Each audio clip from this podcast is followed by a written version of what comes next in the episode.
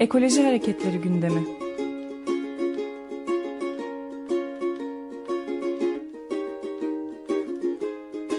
Çevre ve Ekoloji Hareketi avukatları tarafından hazırlanıyor.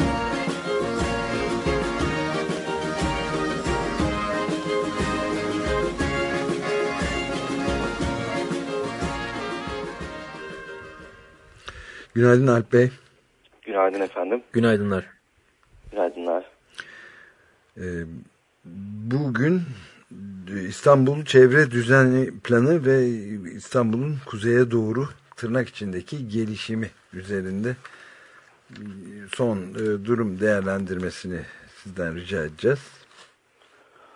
Ee, şunları söyleyebilirim. 2009 yılında çevre düzeni planı gerçekleştirildi. Dönemin e, hat planın hazırlanmasında katkıları olan bilim insanları e, çok değerli çalışmaları vardı o dönem içerisinde. E, hatta milyonlarca doların harcandığı e, bir plandı bu yapımı için. E, kendi içinde aslında küçük eleştiriler olsa bile e, genel hatları itibariyle çok olumlu İstanbul kentinin gelişimi açısından geleceğe yönelik perspektifleri vardı.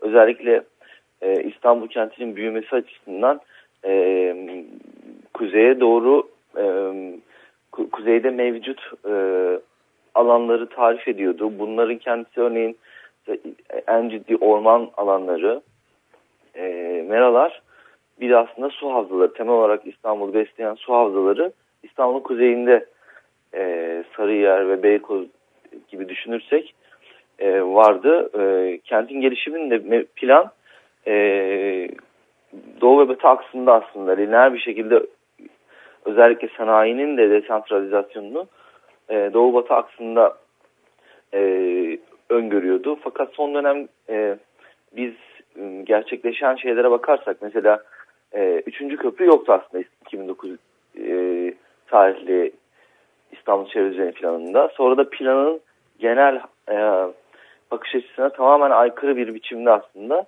planda revizyona gidildi ve öncelikli olarak e, köprü yapılabileceği e, buna işlendi. Böyle bir değişiklik kaydedildi.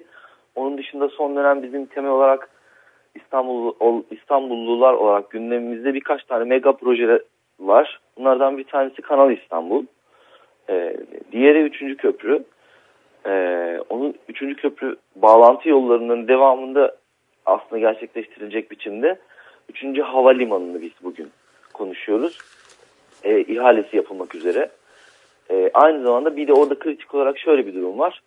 E, dönüşüm mahalleleri yani bugün yani kentsel dönüşüm diye tarif edilen özellikle dönüşüm mahalleleri mesela kapalı lüks konut alanları, lüks siteler e, kentin e, bu tarif ettiğimiz planın da ekolojik sınır olarak gösterdiği e, kuzeyde yer alan e, bölgelerinde e, kuzeyde yer alan e, kısmında gerçekleşiyor. E, dediğim gibi yani kentin kendisi de e, çevre düzeni planını da aslında ekolojik e, sınır olarak e, işaret ettiği bir yerde bugün biz aslında İstanbul için temel olarak gerçekleştirdiğimiz, gerçekleştirmeye çalıştığımız, öngördüğümüz bu tarz e, bir gelişme aksını tamamen değiştirmiş bulunuyoruz ve kuzeye doğru bir gidişat var.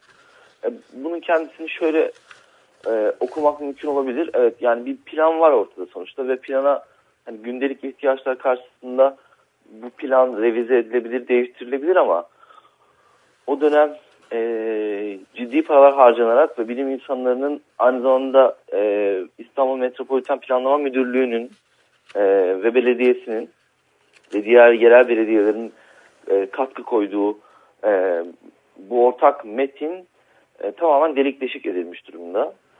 E, yani böylesi bir gelişme seyri hani niyet plana rağmen biz bu tarz ekolojik eşiğini de aslında e, aşmaya çalışıyoruz. Böyle bir gelişim seyri var. E, bunun kendisini biraz üzerine konuşmak gerekir.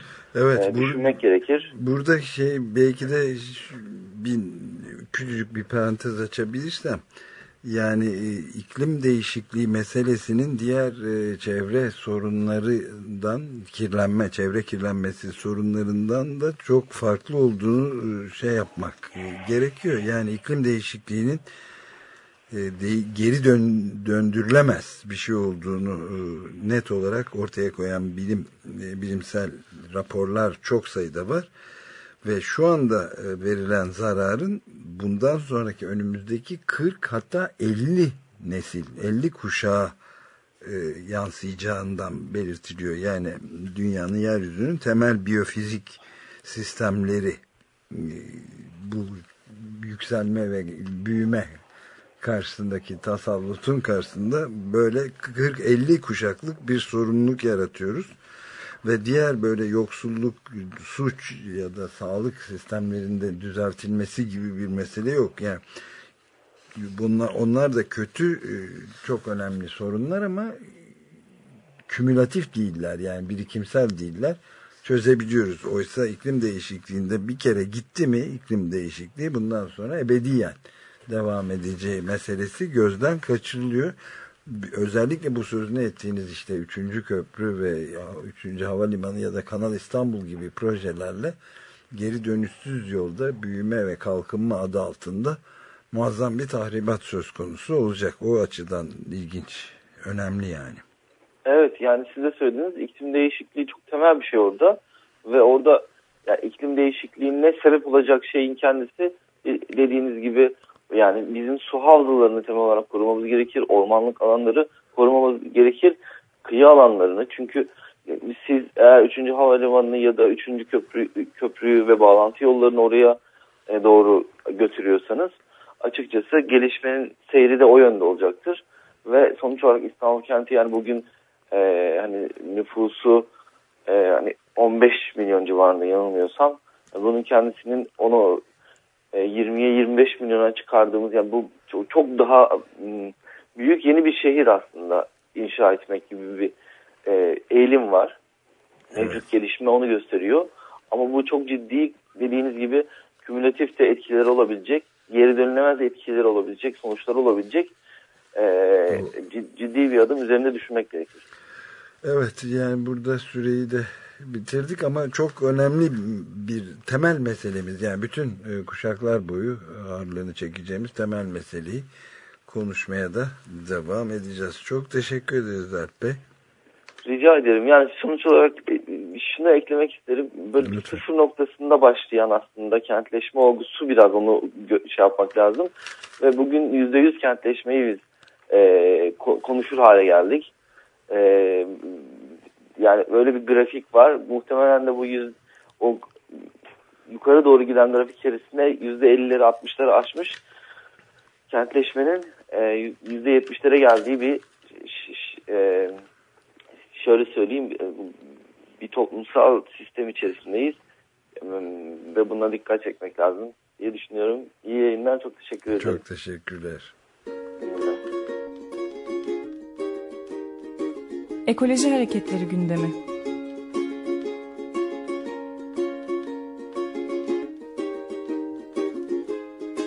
Çevre ve Ekoloji Hareketi avukatları tarafından hazırlanıyor.